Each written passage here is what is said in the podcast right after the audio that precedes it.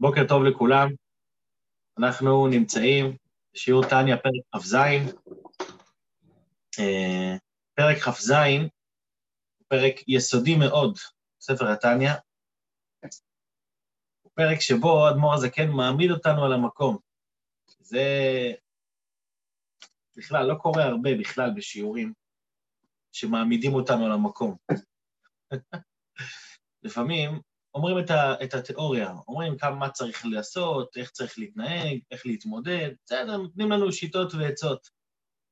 בפרק הזה, מעבר לעצה, האדמו"ר הזקן נותן לנו קצת בראש, אבל אחרי שהוא נותן לנו בראש, הוא גם נותן לנו את הדרך להתמודדות. זאת אומרת, הוא מנער אותנו קצת, ולכן זה פרק כל כך יסודי. יש פה יסוד מאוד מאוד גדול בעבודת השם, וזה הציפיות של האדם, כמה הוא מצפה מעצמו וכמה הוא רוצה להצליח. ועד כמה הוא גם יכול להצליח. מה שנקרא גבולות הגזרה. בן אדם צריך לדעת את גבולות הגזרה. אה, פרק כ"ז נמצא בתוך הסדרה על השמחה, והוא הפרק השני. את הפרק הראשון, פרק כ"ו, סיכמנו שאדמו"ר זקן פותח באמירה שהשמחה היא חשובה בעבודת השם, ויסודית והכרחית, ולפעמים יש מצבים שמונעים מהאדם להיות בשמחה. מהם המצבים האלה?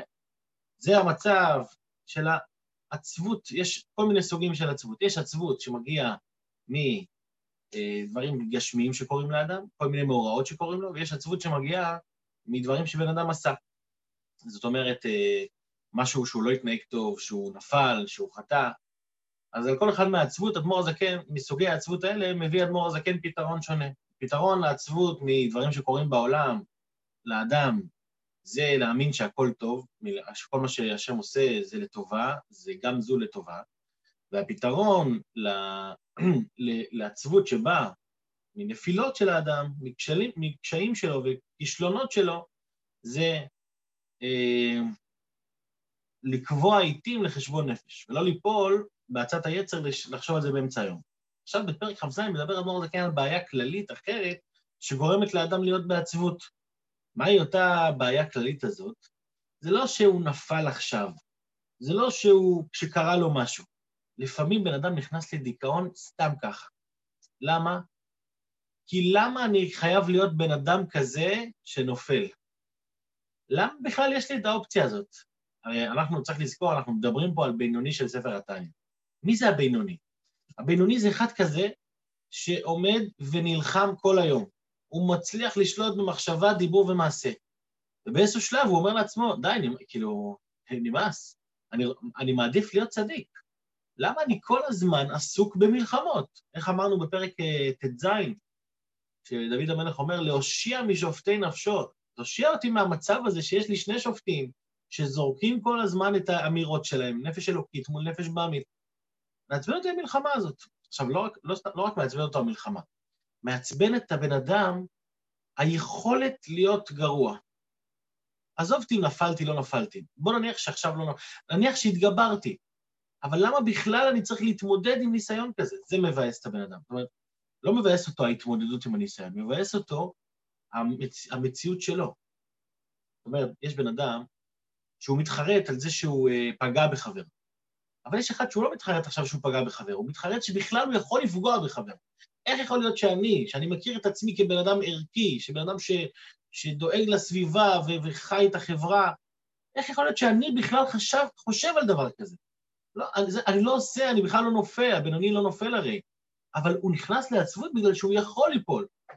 למה אני צריך תמיד את ההתמודדות הזאת? וזה דיכאון שמלווה כל אחד מאיתנו כל הזמן, זה לא קשור למשהו ספציפי שעשיתי. את ה... את הסוג העצבות הזה, זה מה שהדמור הזה כן רוצה לשלול גם. שגם במצב כזה, שאתה אומר, עצם המצב שלך, יש לך פוטנציאל לרע, גם פה תשמח. איך אני יכול לשמוח? כל זה ועוד בפרק שלפנינו. יש לנו שיעור קצת ארוך היום, כי אנחנו ביום שישי, אני אשתדל להכניס את הכל בשיעור של היום. אז אני אשתף מסך, ואנחנו יוצאים לדרך. נגדיל את זה טיפה. אוקיי.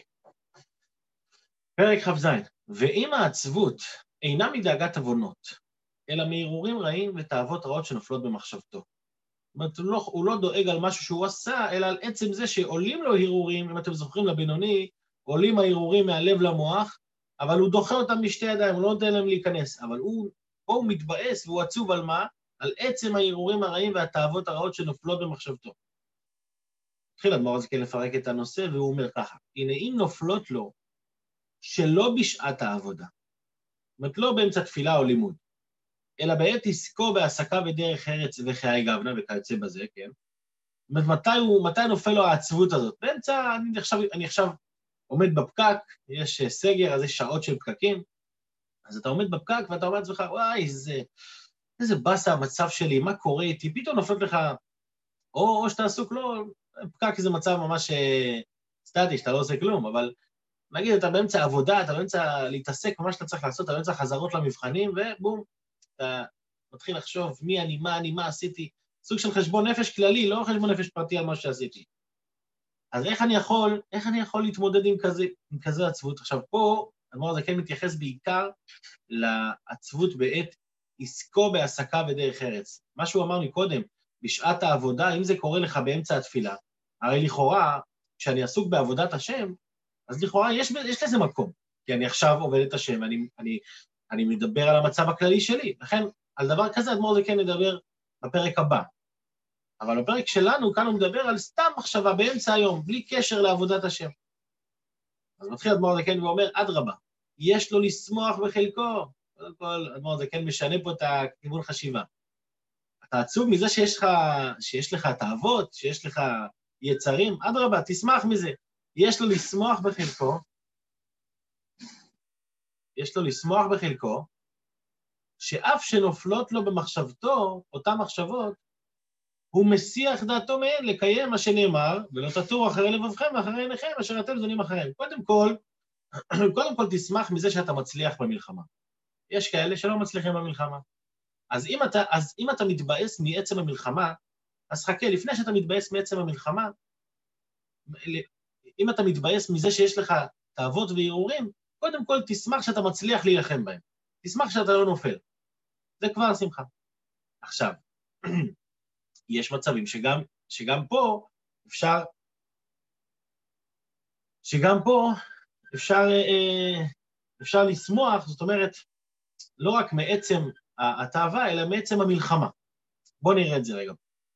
ואין הכתוב מדבר בצדיקים לקוראם זונים. זאת אומרת, אם הוא מדבר פה בפסוק, ולא תטורו אחרי לבכם ואחרי עיניכם אשר אתם זונים אחריהם, על מי מדבר הפסוק הזה? הפסוק הזה לא מדבר על צדיקים.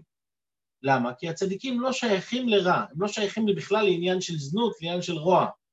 הם, הנפש האלוקית שלהם ניצחה את המלחמה כבר. אז על מי מדבר הפסוק הזה? חס ושלום. אלא בבינונים וכיוצא בו.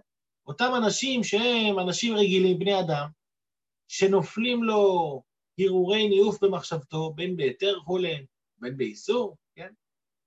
אז הפסוק הזה, זה פסוק שרק אתה יכול לקיים אותו, ולא הצדיק.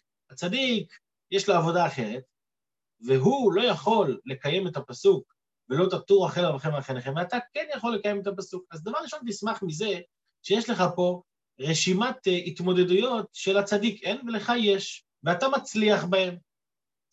וכשמסיח דעתו, מקיים לאו זה. ואמרו רבותינו זיכרונה לברכה, ישב ולא עבר עבירה, נותנים לו שכר כאילו עשה מצווה. אז תראה כמה מצוות אתה מרוויח שהצדיק לא מרוויח. נכון שהצדיק לא, לא עובר עבירות, בדיוק כמו הבינוני, אבל אצל הצדיק אין לו את המשיכה. ומה כתוב בפסוק? לא תטורו אחרי לבבכם ואחרי עיניכם, אשר אתם זונים אחריהם. זאת אומרת, יש לך תאוות שאתה נמשך אחריהן, תאוות אה, מזוהמות, שלצדיק אין, ולך כן יש. ואתה מצליח להתמודד, אומר הדבר הזה כן, הבינוני. ועל כן צריך לשמוח בקיום הלאו, בזה שהוא מתאפק ולא עושה ולא נופל, כמו בקיום מצוות עשה ממש. כי איך הוא אמר, ישב ולא עבר עבירה, כאילו קיים מצווה. אז יש לך פה ממש קיום מצווה, שהוא רק אצלך. וכאן אדמו"ר הזה כן מניח משפט, שהוא משפט המחץ של הפרק הזה. ואדרבה, העצבות היא מגסות הרוח שאינו מכיר מקומו. וכן ירא לבבו שאינו במדרגת צדיק. מה שאמרתי בהתחלה, אדמו"ר זה כן מעמיד אותנו על המקום. בן אדם, בכלל, בחיים, הרבה פעמים אנחנו שואפים שאיפות שהן לא ריאליות. לא ריאליות, אנחנו, מה שנקרא, עפים גבוה. אדמו"ר הזקן בספר התניא רוצה לחנך אותנו, אל תעוף על עצמך. אל ת... תשאף גבוה זה כן, אבל אל תשאף להיות מי שאתה לא. כשאתה לוקח ילד קטן ואתה אומר לו, אני עכשיו רוצה שתלמד לעוף, כי, כי יום אחד תצטרך לעוף באוויר, ולקפוץ מאיזה עץ ולעוף. אז הילד בחיים לא יצליח להתפתח, כי הוא לא יכול לעשות את זה. זה לא משהו שבר השגה בשבילו. אתה צריך לתת לילד את השאיפות הנכונות שמתאימות לכלים שלו, להשגה שלו. אי אפשר לפתח ציפיות שהן לא ריאליות בכלל. אותו דבר בעבודת השם. אמר אדמו"ר זה כן, הרבה פעמים אנחנו נכנסים לבאסה, למה? למה אני לא צדיק? למה אתה לא צדיק? כי אתה לא צדיק. למה אתה, למה אתה בכלל מנסה לחשוב כמו צדיק אם אתה לא צדיק? כאילו מה, מאיפה זה מגיע, אומר אדמו"ר כן, זה מגיע מגסות הרוח. זה גסות רוח, כן, לחשוב שאתה, מי של, ש, שאתה מישהו שאתה לא אתה, זה גסות רוח. צדיקים, כמו שכבר למדנו בפרקים הקודמים, בפרק, אה, אה, איזה פרק זה היה? פרק י"ז, פרק י"ד, שצדיק זה מהות אחרת. צדיק זה משהו אחר, זה נשמה אחרת. ולכן איוב מתלונן גם ואומר, בראת צדיקים, בראת רשעים. אז יש פה מהות אחרת. אז אתה מנסה להיות צדיק, ופתאום אתה, אתה לא מצליח, אתה רואה שעולים לך הרהורים רעים. אז אתה אומר, רגע, מה קורה? למה אני לא צדיק? כי אתה לא צדיק, חביבי. תדע, תכיר את המציאות שלך. תבין, תבין עם מה יש לך... כשאדמו"ר הזקן אומר תכיר את המציאות, הוא לא מתכוון להגיד להנמיך ציפיות. לא. הפוך. כשבן אדם מכיר את המציאות, אז הוא גם יכול לעבוד יותר נכון. הוא יכול להתפתח יותר נכון. בן אדם ש, ש, שאין לו חוש כתיבה או שאין לו חוש אה, ביה, אה, של, של ציור, אז עכשיו הוא, הוא יחליט שהוא רוצה להיות הצייר הכי גדול, אין, אין, אין לך את הכלים לעשות את זה. אז אתה תשקיע במשהו אחר, אחד מתאים לו יותר חשבונאות, אחד מתאים לו יותר, אה, אני יודע מה, מנהל עסקים, אחד שייך יותר לרפואה. תמצא את מה שאתה טוב בו ותעשה אותו הכי טוב. אל, ת, אל תצפה להיות מי שאתה לא. ואנחנו נופלים בזה הרבה. כל אחד, אני, אני מאמין שכל אחד יצא ליפול בדבר הזה, שאתה משקיע במשהו, פתאום אתה אומר, וואלה, זה לא אני. כאילו, על מה אני רץ? אני, אני איך אומרים, פול גז בניוטרל. זה, זה מתאים גם למה שאמרנו לפני כמה פרקים. אדמו"ר זה כן מלמד אותנו להשתמש במרצדס הפרטית שלנו, אז הוא אומר, אל תיתן גז סתם. ת, תמצא את ההילוך הנכון, ואז אתה תוכל להתרומם באמת. אז הוא לא אומר, תנמיך ציפיות. הוא אומר, אל תשאף למה שאתה לא. אם אתה שואף למה שאתה לא, אז אתה סתם גס רוח. אתה סתם מגושם, אתה סתם בעל גאווה. וזה מה שנקרא לתת בראש. לפעמים כשאנחנו עצובים, אנחנו מצפים שינחמו אותנו. אה, תשמע, את בסדר, הכל טוב, אין רע יורד מלמעלה, ועידודים. פה אדמו"ר הזה כן, לפעמים כשאתה צריך לצאת מאיזה עצבות, לפעמים אתה צריך שמישהו ידביק אותך לקיר, וזה מה שאדמו"ר הזה כן עושה לנו פה. הלו, הלו, מה אתה עצוב? יגס רוח. זה כאילו ממש, זה... אין לך מה להיות עצוב עכשיו, אדוני. אתה עצוב על זה שעולים לך תאוות? נכון, כי אתה בן אדם. מה אתה חושב, שאתה לא בן אדם? אתה חושב, שאין לך, אתה חושב שיש מישהו שאין לו תאוות? יכול להיות שיש מישהו, קוראים לו צדיק. אתה חושב שאתה צדיק? תסתכל רגע במראה, תגיד לעצמך, אני, אני צדיק? אתה באמת חושב שאתה צדיק? תכיר את מקומך. עכשיו, בגלל שבן אדם לא מכיר את מקומו, אז יש לו ציפיות גבוהות מדי ממה שאמור להיות לו. ועל כן, ירא לבבו, אגב, כאן, כאן האדמו"ר הזה כן אולי עונה למה שהוא אומר בהתחלה, ירא לבבו ויהיה עצב, כן? זה שאתה רשע, יהיה בעיניך כרשע, לא אמור להיות, אתם זוכרים את השאלה מפרק א', אם, אם הוא יחשוב שהוא רשע, ירא לבבו ויהיה עצב. האדמו"ר הזה כן, למה ירא לבבו ויהיה עצב? נכון, אתה רשע, אתה בן אדם. אתה רשע, הכוונה היא שיש לך נפש של רשע. שפה מדברים על הבינוני. אבל בשביל זה להיות ירא לבבו ויהיה עצב, ירא לבבו זה גסות הרוח. טוב, לא ניכנס לזה עכשיו. ועל כן ירא לבבו על שאינו במדרגת צדיק. אני ממשיך לקרוא, שלצדיקים בוודאי נופלים להם הרהורי שטות, כאלו, כן, מה, דברים שהם ממש אה, הם תאוות רעות, אין להם תאוות רעות. כאילו היה מכיר מקומו שהוא רחוק מאוד ממדרגת צדיק, והלוואי היה בינוני ולא רשע כל ימיו אפילו שעה אחת, הרי זאת היא מידת הבינונים ועבודתם. לכבוש את היצר והערעור העולה מהלב למוח, ולהסיח דעתו לגמרי ממנו, ולדחותו בשתי ידיים כנזכר לעיל. עכשיו אדמו"ר הזה כן, אחרי שאדמו"ר כן העמיד אותנו במקום, והוא אומר, תשמע, בוא נוסיף לך גם קצת תוכן, קצת מילים, שתבין את המעלה שלך. זאת אומרת, להיות בינוני, להיות בן אדם רגיל שנלחם, שמתמודד, זה לא חיסרון. נכון שזה מבאס קצת, אבל דבר ראשון, אחרי שגירשנו את הבאסה, בזה שאמרנו, תפסיק להיות גס רוח, אז עכשיו תבין שזה לא, לא חיסרון. הפוך, יש לך מעלה וזכות גדולה. המעלה בלהילחם. וכאן הוא מתחיל להסביר את, ה, את, ה, את, ה, את המעלה של הבינוני על הצדיק אפילו. למרות שצדיק זה משהו מושלם, יש לבינוני מעלה שאין לצדיק, ואם תתבונן בזה אתה תבין שיש לך זכות. תהיה שמח בזכות שלך. כן, אני נלחם, ואני ממשיך להילחם, וכיף לי להילחם. תהנה מהמלחמה הזאת. ובכל תחייה, כאן הוא מתחיל להסביר את זה, ובכל תחייה ותחייה שמתחיהו ממחשבתו את, ה, את הנפש הבעמית, את היצר הרע, שהוא דוחה את הערעורים שהוא מעלה לו, יתקפי הסיטרא אחרא לטאטא, הוא כופה את הסיטרא אחרא, את הצד האחר פה למטה, ובהתערותא דלתתא, כשיש התעוררות מלמטה, יש התעוררות מלמעלה.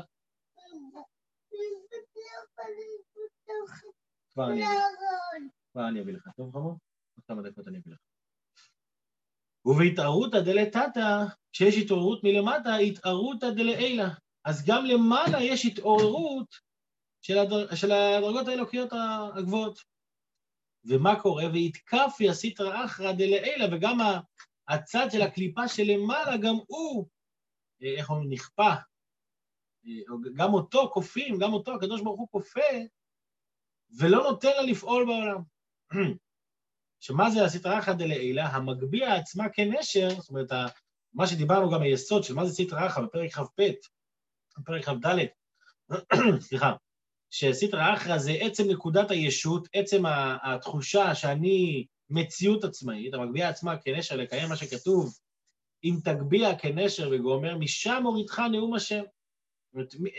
ברגע שיש איתקפיה, פה למטה, איתקפיה זה שבן אדם כופה את עצמו, שבן אדם עוצר את עצמו מלעשות משהו רע, אז אותה קליפה שמגביה את עצמה בעולמות עליונים, משם הורידך נאום השם על ידי האיתקפיה בעולם, בעולמות פה למטה. וכמו שהפליג בזוהר פרשת תרומה, דף קכ"ח, בגודל נחת רוח לפניו יתברך, שיש לאלוקים נחת רוח, אלוקים שמח. ממה הוא שמח?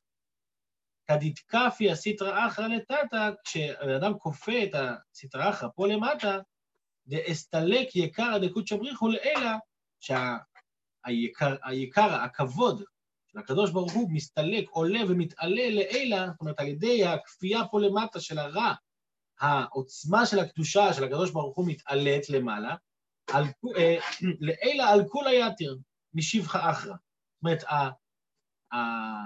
הדבר הזה, הנחת רוח שזה גורם למעלה, זה יותר מכל, מכל השבחים האחרים שאומרים על הקדוש ברוך הוא. שימו לב כמה, כמה אה, יוקר מקדיש, נותן הזוהר,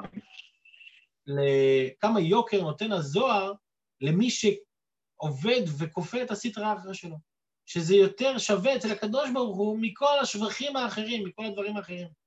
והסתלקות הדייתר מכולה, וההתרוממות, ההסתלקות זה שהוא מתרומם למעלה, ההסתלקות של זה, הגבהות של, של הדבר, יותר גבוה מכל שאר הדברים. ולכן, אם אנחנו מתבוננים במה שכתוב בזוהר הזה, אז מה רואים? שיש אנשים כאלה שיש להם יכולת לגרום לנחת רוח למעלה כל כך גבוהה. איך עושים את זה? על ידי התגברות על הסטרא אחרא. עכשיו בואו ניקח את הצדיק החמוד שלנו, המסכן, בנקודה הזאת הצדיק הוא מסכן, למה? כי הוא לא יכול, הוא לא יכול להגיע לרמה כזאת. מה שהזוהר אומר שזה השבח הכי גדול, הצדיק לא מגיע. מי כן מגיע לזה? הבן אדם הרגיל, הבינוני, עם הנפש של הרשע, עם התאוות, הוא יכול לכפות את הסטרא אחרא. אנחנו עכשיו לא, לא ממעיטים בערכו של הצדיק, אה, אולי בהזדמנות אנחנו נשב יותר על ההשוואה בין צדיק לבינוני, אבל כאן אנחנו מדברים על המעלה של הבינוני. ולכן, אומר אדמו"ר הזקן, אל ייפול לבד דם עליו, ולא ירע לבבו מאוד, גם אם יהיה כן כל ימיו במלחמה זו. אל תתבאס. למה? כי אולי לכך נברא, וזאת עבודתו לכאפיה, לסטרא אחרא תמיד. העבודה שלך זה עבודה של איתקפיה. אגב, במילה אחת, נראה לי הזכרנו את זה בעבר, יש איתקפיה, יש איתקפיה ויש איתהפכה. מה ההבדל בין איתקפיה להתהפכה? איתקפיה זה שיש לי יצר הרע, יש לי נפש בעמית ואני כופה אותה, אני עוצר אותה. איתהפכה זה שאני הופך אותה. הצדיק עשה איתהפכה. הצדיק הפך, סיים את המלחמה, הוא ניצח, אין לו יצר הרע, אין לו נפש בעמית. הבינוני עשו כל הזמן בלהילחם, בלהתמודד. והוא עסוק בהתקפיה. ואיפה יש נחת רוח למעלה יותר? בהתקפיה. אה, וזאת, ולכן בן אדם אומר, אומר לעצמו, למה אני עצוב? הפוך. אני מהאנשים האלה שיכולים לעשות את הנחת רוח הכי גדולה למעלה, של ההתקפיה. ולכן אדם צריך להיות בשמחה גם במלחמה. ועל זה אמר איוב, בראת הרשעים, ולא שיהיו רשעים באמת חס ושלום. מה הכוונה שאיוב אומר בראת הרשעים? הוא לא מתכוון שבן אדם צריך להיות רשע וזה ניטל ממנו הבחירה. אלא, אלא, שיגיע, נראה לי זה נמשך פה יותר, אלא שיגיע עליהם כמעשה הרשעים במחשבתם. הכוונה היא שאתה לא רשע, יש לך פוטנציאל רשעי בתוכך. הסטרא אחרא נמצאת עדיין בתוכך, שזה כל אחד מאיתנו. לא ביטלנו את הסטרא, כל עוד אנחנו לא צדיקים, אנחנו בני אדם רגילים. כמעשה הרשעים במחשבתם וירורם לבד, והם, אותם אנשים, יהיו נלחמים תמיד להסיח דעתם מהם, כדי לקף אלה סטרא אחרא, ולא יוכלו לבטלה מכל וכל. זה לא ביכולת שלך, לא בשליטה שלך לבטל את זה, כי זה נעשה על ידי הצדיקים. כדי להסביר עוד יותר טוב עד כמה זה נחת רוח, מסביר אדמו"ר הזקן פה שיש, שיש גם נחת רוח בעבודת הצדיקים, אבל של, ה, של הבינונים זה יותר. ושני מיני נחת רוח לפניו יתברך למעלה. א', הראשון, מביטול הסטרא אחא לגמרי, והתהפכה ממריר ולמיתקה, ממר למתוק, ומחשוכה לנהורה, מחושך לאור, על ידי הצדיקים. הנחת רוח הראשון של הקדוש ברוך הוא זה באמת מה שצדיקים עושים. אמרנו שלא ממעיטים בערכם של צדיקים. צדיק עבד ונלחם, אין לו יצר רק כי הרגו בתענית, זה לא פשוט. אז באמת הצדיק מגיע לרמה כזאת של נחת רוח, כי הוא הופך את הנפש הבעמית, הופך את הסטרא אחרא, וזהו, הופך מר למתוק וחושך לאור. אבל יש עוד נחת רוח, והשנית, כדי איתקפיה, הסטרא אחרא, שאתה כופה את הסטרא אחרא בעודה בתוקפה וגבורתה. שהיא עדיין נמצאת ו- וקיימת. אחרי שכבר סיימת את המלחמה, אז מה שנקרא, איך, איך, איך הוא אמר על הצדיקים?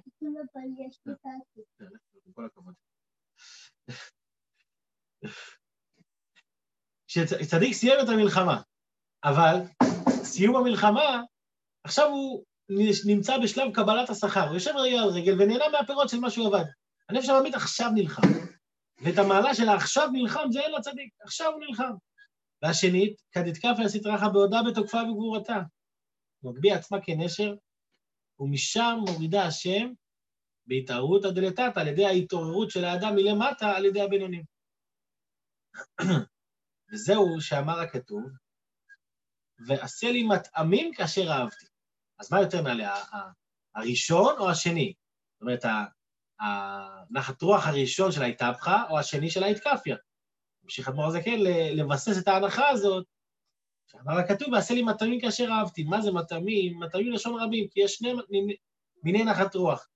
והוא מאמר השכנה לבניה, כללות ישראל, כדי פירוש בתיקונים. אז זה שני המטעמים האלה, אבל מבין שני המטעמים האלה, מה הכי נעלה? הוא כמו שבמטעמים גשמיים דרך משל, יש שני מיני מעדנים. אחד ממאכלים ערבים ומתוקים, והשני מדברים חריפים או חמוצים, רק שהם מתובלים ומתוקנים היטב. עד שנעשו מעדנים להשיב הנפש. כן, זאת אומרת, יש, יש מאכל מתוק. אדם אוכל שוקולד, אוכל, אה, לא יודע, מעדן, משהו מתוק, הוא נהנה. אבל יש מאכל שהוא לא חריף מדי, הוא פיקנטי. מה זה פיקנטי? אתה לוקח, אתה שם, אתה שם איזה טוויסט בתוך המאכל, זה פתאום הופך אותו למשהו מיוחד. נכון שהמתוק הוא טעים מאוד, אבל הפיקנטי, אתה נהנה מה, מה, מהעוצמה של הטעמים. זה עוצמתי אצלך. זה קשה להסביר את זה, כן? צריך להבין באוכל בשביל זה. אבל הרעיון הוא שכל אחד מאיתנו מבין שיש מעלה בטוויסט הזה. וזה בדיוק מה שאדמו"ר זקן אומר על הנפש, על ה... על ה... אתם יודעים מה שאומר אדמו"ר זקן? על הבינוני. שהצדיק הוא מתוק, הוא סיים את העבודה, אין לו עבודה קשה. הבינוני הוא פיקנטי, הוא כל הזמן נלחם, והמלחמה הזאת, היא, עוש, היא עושה נחת רוח, היא, היא טעימה יותר. לקדוש ברוך הוא זה עושה נחת רוח, כמובן זה רק משל. לקדוש ברוך הוא זה נחת רוח שהרבה הרבה יותר נעלה. דיברתי דיבר על זה כמה וכמה פעמים, על הנקודה הזאת, שה... שאלוקים לא מחפש שנהיה, שנהיה מלאכים. אלוקים מחפש בני אדם. ובתור בן אדם, בתור בן אדם שאתה מצליח, כבר, כבר אני מגיע, עוד דקה, טוב? אלוקים אה, מחפש בני אדם שיש להם מאבקים, שיש להם מלחמות, ועם המאבקים והמלחמות האלה הם מצליחים להילחם ולהתגבר יום-יום. נכון שהצדיק הוא הרבה יותר טוב, אבל מי יותר טעים? מי יותר נעלה? מי יותר נלחם? זה מה שחשוב. יש פה סיפורים רבים שאפשר לספר על זה, אולי נשלים קצת בשיעור הבא, הזמן שלנו מתקצר. אה, אבל זו נקודה, למה זה פרק יסודי? כי א', אנחנו צריכים להציב לעצמנו את השאיפות ואת ה... את הרמה, לא לעוף, לא לעוף על עצמנו מדי. דבר שני, לשמוח בזכות שיש לנו להיות בני אדם ולא מלאכים ולא צדיקים, להיות אנשים נורמליים שעובדים את השם, שמצליחים להילחם. אני ממשיך לקרוא פה. וזהו שאמר הכתוב, כל פעל השם למענהו, וגם רשע ליום רע. אני רוצה להגיד את ההסבר בעל פה, ואז נקרא אותו מבפנים. למה אדמו"ר הזה כן מביא את הפסוק הזה? הוא רוצה להגיד שמה פועל, מה פועל השם בעולם למענהו, למען הקדוש ברוך הוא, מה עושה נחת רוח לקדוש ברוך הוא למעלה, זה גם רשע ליום רעה. זה שהרשע, מי זה הרשע בסיפור שלנו? זה הבינוני, שיש לו נפש של רשע, שהרשע לוקח את הרעה והופך אותו ליום. שימו לב למשחק מילים שיוצא פה. מה פועל נחת רוח לקדוש ברוך הוא? מה פועל השם למענהו? זה שהרשע הופך את הרע ליום. גם רשע ליום הפך את הרעה. זה הפירוש הפנימי של הפסוק. הפירוש הפשוט של הפסוק, לפעמים אנחנו לא, לא אומרים את הפירוש הפשוט, אבל הפירוש הפשוט זה שהקדוש ברוך הוא סוגר תמיד את החשבון, מה שנקרא. הוא, כל פעל השם למענהו, וגם גם אם. גם אם הרשע יבוא, יבוא יומו, יבוא וימצאו איתו את הדין. אבל הפירוש הפנימי שאומר, שאומר אדמו"ר זקן, שאיך פועלים את הלמענהו של הקדוש ברוך הוא, דווקא על ידי הרשע שהופך את הרע ליום, לאור, לטוב, הופך את החושך לאור, אבל הוא לא מאיר לגמרי כמו הצדיק, אלא החושך תמיד מואר כל רגע מחדש. פירוש, בואו נראה את זה עכשיו בפנים, שישוב מרשעו ויעשה הרע שלו יום ואור למעלה. איך, איך הרשע עושה את הרע שלו ליום ואור למעלה? כדתקף יסיטרא אחרא וסתלק יקרא דקודשא בריחו לילה. כשהוא כופה את הסיטרא אחרא, את הנפש הבעמית שלו, הוא גורם להסתלקות, ההתרוממות של כבודו של הקדוש ברוך הוא למעלה. זה בעצם, כמו שאנחנו רואים, המעלה הגדולה של הבינוני. פה אנחנו מסיימים את השיעור של היום, כמו שכן עמדנו בזמן. המעלה הגדולה של הבינוני זה שהוא זה שנלחם. בוא נגיד ככה, אחד, סתם לצורך הדוגמה, עכשיו נופל לי בראש, לא יודע עד כמה זה מדויק הדוגמה, אבל בוא ניקח את זה כדוגמה. אחד, עבר את כל המסלול הצבאי. היה חייל פשוט, נהיה מפקד, קצין, עולה בדרגה, נהיה רמטכ"ל, נניח שגם בסוף נהיה ראש ממשלה. לא יודע אם ראש ממשלה זה דוגמה טובה, אבל הוא הגיע לדרגות גבוהות. אז אם אני אעמיד עכשיו את אותו ראש ממשלה, שהוא, יש לו את המעלות שלו ואת הניסיון שלו והכל והכל והכל והכל, אבל אם אני אעמיד אותו מול לוחם עכשיו שנמצא בשטח, מול המחבל, שהוא צריך עכשיו להילחם בפועל, אף אחד לא יכול לקחת את הזכות מהחייל שנמצא בשדה הקרב. נכון שהרמטכ"ל שה, עשה הרבה יותר ממנו, והוא כבר 30 שנה שם בצבא, ובאמת הגיע לדרגות גבוהות, אבל עכשיו, בנקודת זמן, זמן הזאת, הרמטכ"ל הוא בחלק הפיקודי. הוא יושב, נותן את הפקודות, הוא מתווה את הדרך, הוא לא נלחם בפועל. גם אסור לו להילחם בפועל, כי אנחנו צריכים רמטכ"ל שיתווה דרך. אבל מי נלחם? מי מגן על, ה... על המדינה, מה שנקרא? מי נותן את הנשמה? זה החייל בשטח. אותו חייל קטן שלא יודעים אפילו איך קוראים לו, והוא נמצא שם ומוסר את נפשו בפועל ממש. זה בדיוק ההבדל, אני לא בדיוק, אני אמרתי למשל שנפל לי עכשיו, לא יודעת כמה זה מדויק בכל הפרטים, אבל אפשר להבין ככה את ההבדל בין צדיק לבין בינוני. הצדיק, הוא סיים את המלחמה, הוא הרמטכ"ל, הוא, הוא, הוא יכול לתת, הוא, הוא מתווה דרך, הוא, איך אמר פעם הרבי לאחד שעבר אצלו, אחד שהגיע, יש כמה סיפורים כאלה, כן? אחד ש... שרצה להתחתן עם גויה, והרבי אמר לו, אני מקנא בך. למה אני מקנא בך? כי לי אין תאווה כזאת. לך יש תאווה כזאת ואתה יכול להתגבר. או אחד אחר, ש... שגם הכיר גויה, אבל היא הסכימה להתגייר בשבילו. אבל בסוף גילו שהוא כהן. והוא לא יכול להתחתן איתה, כי הוא כהן לא יכול להתחתן עם גיורת. אז הוא היה ממש מבואס מזה, עד שהם עשו את כל המאמצים. הוא גם נכנס לרבי לפגישה, אומרים שהרבי ככה אמר לו, ביחידות, אתה רואה את כל הספרים בחדר? אומרים עליי שאני יודע את כל הספרים האלה. אבל כהן, אני לא יכול להיות. ואתה, בלי ללמוד את כל הספרים האלה, אתה כהן. זאת אומרת, גם רבי, גם צדיק, הכי גבוה שיכול להיות, הוא ברמה הפיקודית, הוא באמת נותן את הפקודות. צריך לשמוע גם לפקודות של הרמטכ"ל. אבל מי זה שנלחם בשטח? זה הכהן הפשוט הזה. זה, זה הבן אדם הזה ש, שיש לו את התאוות, שיש לו את היצרים, שזה אנחנו, שזה כל אחד מאיתנו. ואת זה אפילו הרבי מלובביץ' לא יכול לעשות. אז כמה צריך לשמוח בזכות שיש לנו להילחם ולהצליח במלחמה, לא לפחד מלהילחם. גם אם נפלנו, זה אדמו"ר אני לא מדבר על נפילות, זה כבר דיברנו בפרק הקודם. אפילו אם אתה לא נופל, אל תתייאש, תילחם. נפלת, תקום. לא נפלת, תקום עוד יותר, אבל לפי היכולות שלך.